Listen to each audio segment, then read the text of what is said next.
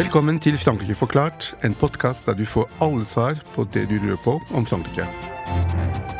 Mitt navn er Frank Orban. Og jeg heter Kjerstin Aukrust.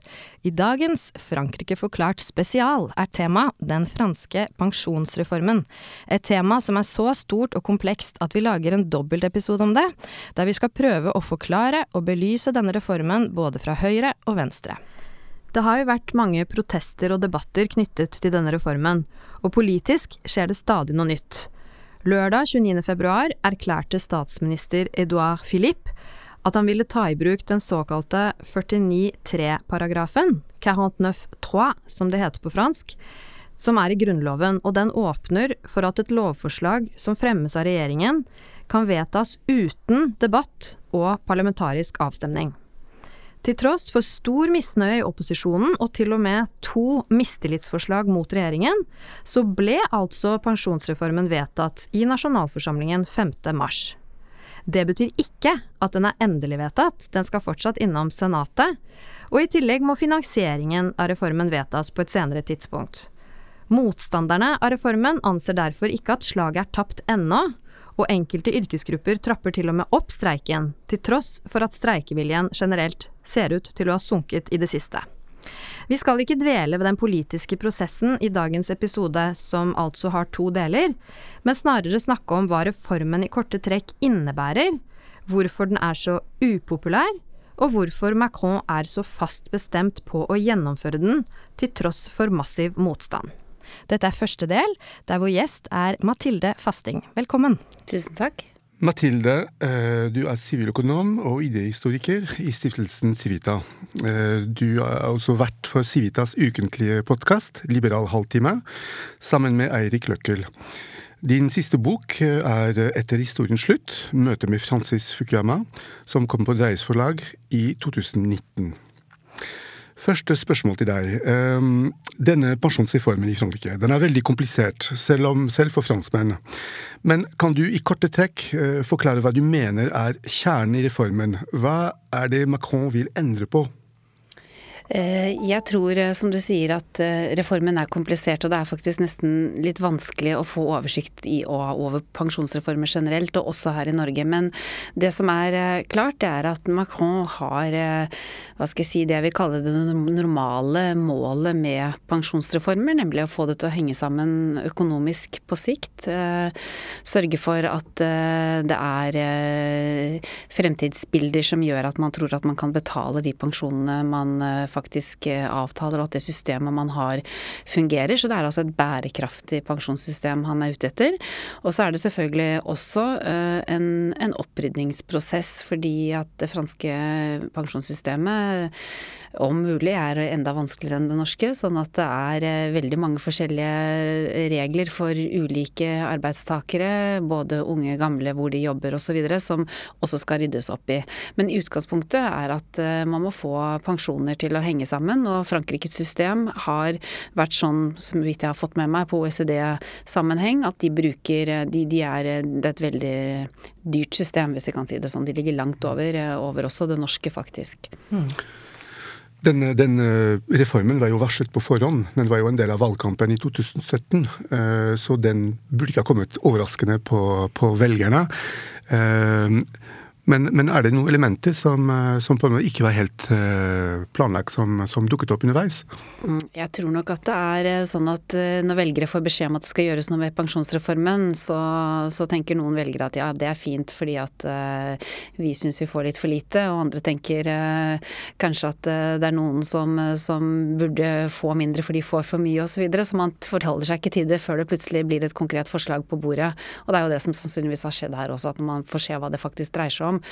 Og man begynner å snakke om eh, dette som de kalte for age pivot, f.eks., som var, en, var, et sånt hva, hva, hva, betyr det? Det er den, akkurat det omdreiningsåret hvor du, hvor du sier at, at der, når du jobber så og så lenge, så kommer du akkurat til det punktet, og det er da, før og etter det, om du går av med pensjon før eller etter det, som avgjør liksom hvordan pensjonene dine blir. Og det kommer selvfølgelig også an på hvor lenge du når du startet å jobbe, og det er mange ting, men, men, da så man plutselig at det tallet der, det var høyere enn det som, som, folk hadde tenkt på som pensjonsalder. Og det er jo også et annet ting i det franske systemet, at folk har gått av med pensjon. Det er veldig tidlig da, i hvert fall hvis man ser på det med et blikk uh, utenfra. Slik at jeg tror uh, det som gjør det overraskende for velgerne, og også sannsynligvis vanskeligere for Macron, som det meste med politikk, det er at når du skal konkretisere hva dette dreier seg om, så viser det seg at det er selvfølgelig noen som kommer dårligere ut enn før. Og det er også sånn at man, mange vil føle at dette er en innstramming, og at de har krav på ting som, de, som man kanskje da med økonomiske øyne ser at man ikke kan fylle opp, og man må eller oppfylle, og man må gjøre noe med det. Og her sitter han da nå med en sånn reform som sannsynligvis ut fra økonomiske hensyn absolutt bør gjennomføres, men så er det spørsmål da om, om rettferdighet og om rettigheter og hvilke grupper som får hva.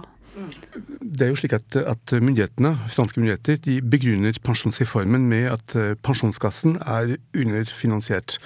Eh, og dette pga. endringer i forholdet mellom yrkesaktive og pensjonerte. Eh, og det sies at det forventes at systemet skal gå med underskudd fremover. Nylig kom et pensjonsråd med en rapport som tydet på at underskuddet ville være mellom 7 og 12 milliarder euro. Eh, men det ble også omstridt hvordan det, det, rådet kom til en konklusjon. Er, det et gyldig argument? Hva er forskjellen mellom situasjonen i Frankrike og situasjonen i Norge, hvis man skal se på demografien f.eks.? Ja, demografien eh, er jo ikke bedre i Frankrike enn i Norge, hvis man skal si det sånn. Det kommer snart en norsk perspektivmelding som kommer til å vise eh, akkurat de samme demografiske trendene. At vi blir færre sysselsatte og flere pensjonister. Så jeg husker et tall som var i 1970 her i Norge f.eks. så var det to pensjonister på ti yrkesaktive, og i 2060 så er det tallet fire, kanskje fire og en halv pensjonister på de samme ti yrkesaktive. Sånn at uh, den trenden ser man også i Frankrike. Og så vet jeg at ja, denne rapporten kom. Uh, jeg har prøvd å høre mange franske podkaster om dette her, og det er helt utrolig hva de får seg til å diskutere. Jeg blir helt fjetret av å høre på det. Det er uh, De bringer inn eksperter og professorer og alt mulig rart mellom himmel og jord, til og med filosofer sitter og diskuterer diskuterer eh, grunnlaget for om man i det hele tatt kan få lov å argumentere med at økonomi er et problem i dette her. Og hva betyr det for forskjellige generasjoner, og hva sier dette her om menneskesyn, og det er ikke måte på hva de diskuterer. Så jeg skjønner jo at bare selv en sånn økonomisk rapport som viser et sånt underskudd som dette, eh, eh, må skape problemer nærmest per definisjon i Frankrike. Mm. Slik jeg forstår deg, Mathilde, så mener du at en pensjonsreform i Frankrike er nødvendig. Og det er jo et flertall flertall i Frankrike som faktisk er enig i det. Eh, et flertall mener at den pensjonsordningen i Frankrike nå eh, ikke fungerer eh, optimalt, og at det må en endring til. Men det de, det de meningsmålingene viser, er at de nødvendigvis ikke ønsker akkurat denne reformen, og de har ikke tillit til at Macron og hans regjering er de rette til å gjennomføre den. Og at, og at Macron har en, vist seg som en dårlig leder i måten han har forsøkt å gjennomføre reformen på. Da. Hva mener du om altså En ting er innholdet, men også da hvordan reformen blir presentert, og, uh, og hele den prosessen uh, Frankrike er, uh, har vært gjennom tidligere og er midt i nå. Hva tenker du om det? Ja, jeg, jeg, setter det inn i et ganske generelt bilde når det gjelder reformer i Frankrike, egentlig. For jeg syns det ligner på sånn som det ofte skjer der, og til, i motsetning f.eks. da til, til, Norge, hvor vi uh, på mange måter klarer å gjennomføre store reformer eh, gjennom det vi kaller store kompromisser mellom politiske partier, men også eh, hvor fagforeninger og kall det stakeholders i prosessene er med i beslutningene. Eh, og det gjør at vi eh, Jeg syns det er imponerende at vi i Norge klarte å få til en pensjonsreform i 2009 for privat sektor. At vi klarte å følge det opp i 2014-15, eller 15 kanskje det var, med offentlig sektor. Og selv om vi nå har en liten disputt rundt særaldersgrenser, som akkurat i disse dager er et lite ankepunkt, så må jeg si at generelt sett så foregår disse prosessene på en helt annen måte. Og dermed da er jo mitt svar til til, til Frankrike her. At eh, en sånn litt ovenfra og ned-holdning med et apparat rundt deg som ikke har den samme skal vi si, tilliten mellom fagforeninger, eh, det er absolutt ikke samme organisasjonsgrad heller på noen måte, eh, og kanskje en sånn litt elitistisk, rasjonell holdning til at dette her må vi gjøre, for dette er det økonomisk riktige, og ikke, skal vi si, lytte til de som mener noe annet.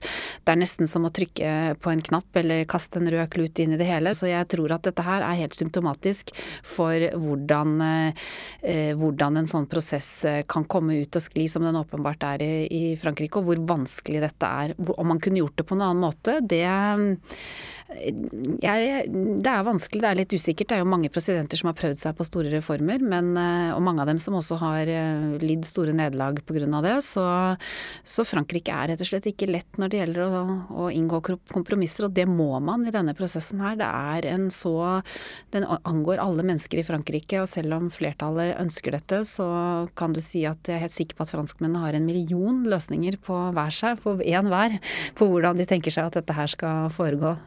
Eh, du, vi, vi sammenligner, Norge og Frankrike. Det, det, handler jo også om tillit til statsmakten. Uh, og det er kanskje det som er en veldig stor forskjell mellom situasjonen i Norge og situasjonen i Frankrike. Tilliten til statsmakten er svak i Frankrike. Absolutt. Eh, det er den. Og tilliten i, i, Norge er eh, veldig mye høyere. Eh, og også tilliten mellom de partene som faktisk skal sitte og, og, og gjøre dette her. Så jeg tror kanskje tilliten kan være stor sånn lokalt, men, men, til det sentrale er det vanskelig. Og dette her er en stor sentral reform. Du kan ikke lage pensjonsreform for hver eneste lille region i Frankrike. Det går ikke. Du må ha med deg hele gjengen. Det er tydelig at eh, Frankrike har kanskje litt å lære av Norge når det gjelder eh, sosial dialog, eh, f.eks. Nå er det jo sånn, vi har jo vært inne på at reformen er jo ganske upopulær, og det har jo de som har fulgt med på nyhetsbildet i Frankrike og sett alle streikene der, fått med seg. Men hvorfor er det allikevel så viktig for Macron å gjennomføre den? Og du nevnte jo at, at flere har mislykkes tidligere. Tror du at han vil klare det der andre har feilet? Til det vil jeg svare kanskje. Um, han er en tøffing, han Macron, så vidt jeg kan se. Han henger, henger i stroppen, og han, han, gir seg ikke. Så jeg, jeg uh, jeg vil på en måte håpe at han får det til, fordi at uh, hvis ikke så ender du i samme karusellen som du er hver eneste gang de tar til gatene og uh, marsjerer rundt. Og det er som, som alltid de som er mest mot, som protesterer høyest og mest, og dermed følger pressen på. Og inntrykket for den øvrige befolkningen som kanskje er mer moderate og eh, muligens også konsensusorienterte, eh, de, de, de, de, sier ikke fra. det vil sånn vil det aldri være i Frankrike. Det er de som hyler og som står frem, som får oppmerksomheten. Og hvis han klarer å stå imot det, så for ham er det sannsynligvis en veldig, veldig viktig prosess han er inne i nå. Det er en liten stund til det er valg, men likevel, dette her vil stå igjen hvis han får til dette som et veldig viktig en, en veldig viktig reform, hvis han klarer det. Så jeg håper han klarer det. Altså, Vi skal ikke gå altfor mye inn i detaljer, men uh, for å påpeke det Kjerstin sa om dette handler om sosial dialog. Altså, Det må gjenopprettes en form for solid sosial dialog mellom partene og staten. Men dette systemet her, det har per dags dato over 40 forskjellige pensjonsordninger. Og regjeringen, Den franske regjeringen vil samle dem eh, under ett system et, og fellessystem fra og med 2025. Og I hvilken grad tror du at dette kan gjennomføres, og, og til hvilken sosial pris? Eh, I Norge så førte man nylig debatten om salersgrenser særaldersgrenser i offentlig sektor. Og den debatten førte til brudd mellom regjeringen og partene i arbeidslivet. Så det, det man ser at uansett om det er høyt tillitsland eller lavt tillitsland, så er det en vanskelig prosess. Absolutt. Jeg tror at tanken er jo god, fordi at hvis du klarer å få til det som de foreslår, nemlig et, et mer felles opplegg da, og ikke alle disse særordningene, så vil du også få til en større mobilitet eh, av arbeidskraft. Man kan flytte fra en arbeidsplass til en annen og, og få en bedre utnytting av, eh, av alle som, som, eh, som ja, hele arbeidsstyrken på en bedre måte, og, og mennesker selv kan bytte arbeidsplasser uten å tape for mye på det pensjonsmessig, f.eks., som vi kaller for innlåsningseffekter. Altså du, du tar bort det, og det er bedre. Og han har jo også villet ønske, eller de tidligere arbeidslivsreformene har jo også gått på det, å skape større fleksibilitet. Så jeg tror franskmenn eh, de, de mangler det. Så det er en, en, en endring som er, eh, er, nødvendig, tror jeg, på sikt for at samfunnet skal fungere. Jeg skjønner ikke helt hvordan Frankrike har klart å rote seg inn i et system hvor folk går av med pensjon så tidlig som de gjør, eh, og hvor det er så mye protester på noe som er åpenbart. Hvis de lever til de blir 90, franskmenn spiser jo i hvert fall om ikke alle sammen går på McDonald's akkurat nå, så spiser de i hvert fall olivenolje og lever sånn Jeg har et relativt sunt uh, middelhavskosthold, uh, om ikke Jeg skal si, jeg vet ikke helt hvordan det har vært de siste 30 årene, men i hvert fall så er det klart at levealderen også i Frankrike er økende, så man kan ikke sitte og være pensjonist da i 30-35, kanskje mer enn det også. Altså det, det er kost, veldig kostbart. Så at de må belage seg på å jobbe lenger, både de aller yngste og de som er i arbeidsstyrken, det, det tror jeg de må. Men hvordan man forklarer en franskmann det, det, det vet jeg ikke helt. Nei, fordi eh, pensjonsalderen i Frankrike, bare for å ta det, det er jo 62 år. Uh, og den, eh, den, virker det som de uh, holder hardt på. Og, og, der omkring dette med vippepunktsalder eller age pivot som du var inne på tidligere, har det jo vært mye debatt. Men det er jo også slik at forventet levealder varierer jo veld, også veldig ut fra hvilken yrkesgruppe man tilhører. Så vil det ikke være tapere eh, på denne jo. reformen, hvis den gjennomføres? Eh, det hørte jeg akkurat et innlegg om for ikke så mange dager siden, at det nettopp er eh, noen som sa at, eh, at vi kan ikke bare se på pensjonsreformen, vi må se på arbeidsforhold generelt da, særlig for de som da jobber i den typen yrker hvor det ser ut som om man blir utslitt lenge før 62. Det har vi også i Norge, men samtidig i Norge så er også Eh, skal vi si de generelle f.eks. arbeidsmiljølov og sånne ting eh, rettet inn på at man skal ta, ta, vare på det. Eh, det er det ikke så mye i Frankrike. Et annet, et annet poeng i reformen er jo introduksjon av et pensjonspoengbasert system, som på samme måte som det ble innført i Sverige. Hvordan, hvordan, på en måte kan dette sammenlignes med det norske altså med pensjonssystemet i Norge? Og, og i, i, i, Norge har man oljen, og, og, man kan alltid si at eh, oljefondet kan betale vår pensjon eh, i fremtiden. Eh, men hva, hva blir hovedforskjellen? Altså, det poengbaserte systemet kan i hvilken grad vurderer du det som et, som et logisk system som kan virke rettferdig samtidig? Eh, for å ta det norske først, da, så har man jo tenkt eh, der å gå over fra et system Eller man, er, man har jo gått over egentlig fra et system som er eh, ytelsesbasert til et opptjeningsbasert system. Altså et innskuddsbasert system, slik at man betaler inn underveis, og så får man tilbake igjen eh, de pengene som pensjon når man går av med pensjon. Veldig enkelt forklart. Det som eh, Det ytelsesbaserte er jo det som jeg i hvert fall så vidt har kunnet se har vært det som er vanlig i Frankrike, at du får en prosent av den lønnen du hadde opp mot pensjonsalder. Altså at du, du, tar utgangspunkt i den siste lønnen du hadde, for å si det veldig enkelt. Og det kan jo være litt av hvert, ikke sant. Det blir ikke det samme som å betale inn noen ting og ha et slags eh, fond da i bakhånd som du mottar eh, penger fra, og som da beregnes Kan man beregne, ikke sant. Hvis du tjener så og så mye, så må du sette av så og så mye, og så får du, hvis du lever omtrent sånn og sånn, så blir det et, en riktig prosentandel av lønnen din hvert år. Dere spurte her i sted om, eh, om Norge kan lære noen ting av Frankrike. Holdt jeg på å si omvendt, at Frankrike ja. lærer noen ting av Norge. Jeg vet ikke om franskmenn er så veldig læringsvillige når det gjelder å se hva utlendinger gjør. Jeg tror det også er et annet fransk trekk, egentlig. Macron pekte vel på at franskmenn generelt ikke er så reform villige, da. At han kalte dem vel gaulois refractaire, altså noen gallere som uh, stiller seg litt på bakbeina, rett og slett. Det, det, er ikke helt usant. Det er ikke helt usant, det er ikke det. Nei, det jeg vil si at uh, vi er, det er vel ingen mennesker som egentlig liker reformer, eller de fleste syns jo at stabilitet og trygghet er best, og at reformer er dumt, men kanskje franskmennene er i en egen liga når det gjelder å stritte mot. Ja, og for å runde av på, på, det, så Vi nevnte jo streik, selvfølgelig. Eh, og den, den, streiken som har vært i Frankrike nå, begynte 5.12. mot pensjonsreformen. Den har blitt historisk langvarig, og enkelte fagforeninger har i tillegg til da vanlige streiker også blokkert havner og vært med på å forårsake strømbrudd. Eh, er dette ifølge deg protestformer som er legitime? Hva tenker du om de, eh, de protestene vi har sett i Frankrike i det siste? Ja, vi har eh, Altså, streik er jo for så vidt en legitim måte å si fra om at man ikke liker noen ting. Jeg må vel kanskje si at eh, jeg syns det er synd at Frankrike hele tiden griper til dette. Eh, jeg tror ikke det, det er ikke den beste måten å komme fram til kompromisser på. Det er ikke smart å drive og holde på med streiker hele tiden, selv om det selvfølgelig tværer ut den ene og den andre, og også presidenter, som vi var inne på her i sted. Det hadde vært bedre om de klarte å sette seg ned ved bordet og, og snakke sammen, fordi at man, man, Det blir bare enda mer polarisering og enda større fronter når man holder på med dette. Og så rammer det jo selvfølgelig også tredjepart hele tiden. Altså Folk blir gale av og ikke toget går ikke, og bussen går ikke, og veien er stengt der, og plutselig så er det ikke vin på bordet. Men det sier litt også, når du ser på hvilken rolle den nasjonale forsamlingen har i Frankrike, så ser du at det er et uh, demokratisk underskudd i, i de, selve i det politiske systemet i Frankrike, hvor hvor parlamentet, dvs. Si Senatet og nasjonalforsamlingen, nærmest kortsluttes. Eh, og der må man ut på gata for å, for å ha den, en form for sosial dialog som ikke fins ellers i, i, i, de to kamrene.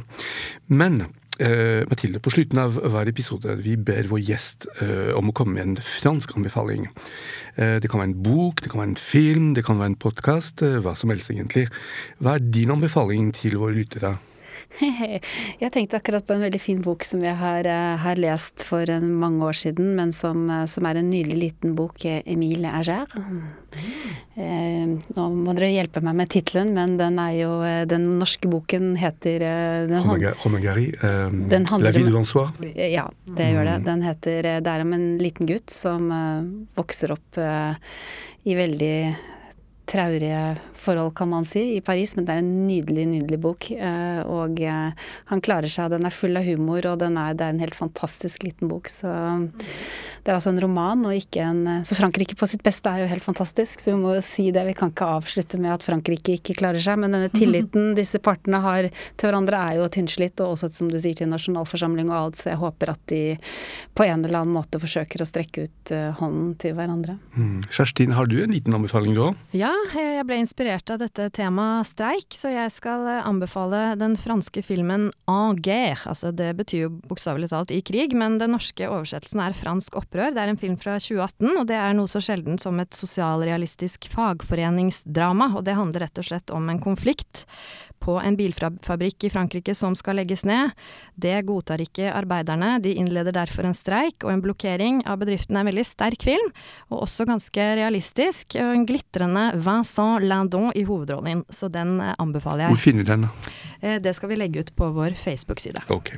Da gjenstår det bare å takke vår gjest Mathilde Fasting. Eh, så høres vi snart igjen i andre del av denne dobbeltepisoden.